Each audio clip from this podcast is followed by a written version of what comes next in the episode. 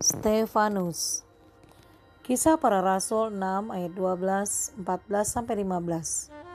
Dengan jalan demikian mereka mengadakan suatu gerakan di antara orang banyak serta tua-tua dan ahli-ahli Taurat.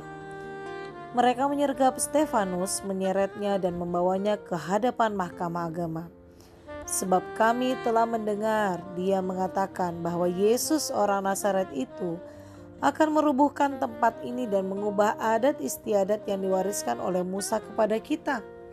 Semua orang yang duduk dalam sidang mahkamah agama itu menatap Stefanus, lalu mereka melihat muka Stefanus sama seperti muka seorang malaikat.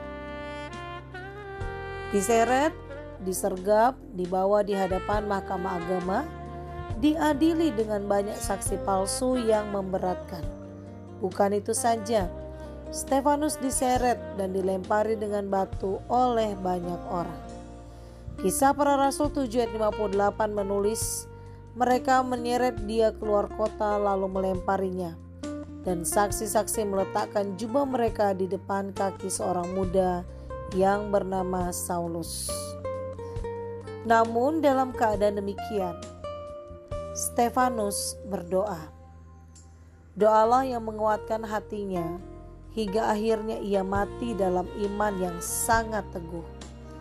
Doa yang ia panjatkan di tengah pengadilan yang tak adil, bahkan bukan untuk dirinya sendiri, tetapi untuk orang banyak, termasuk Saulus.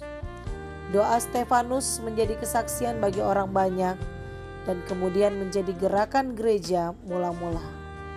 Mari berdoa, iman teguh dan keselamatan orang banyak dituai. Amin. Haleluya. Thank you God.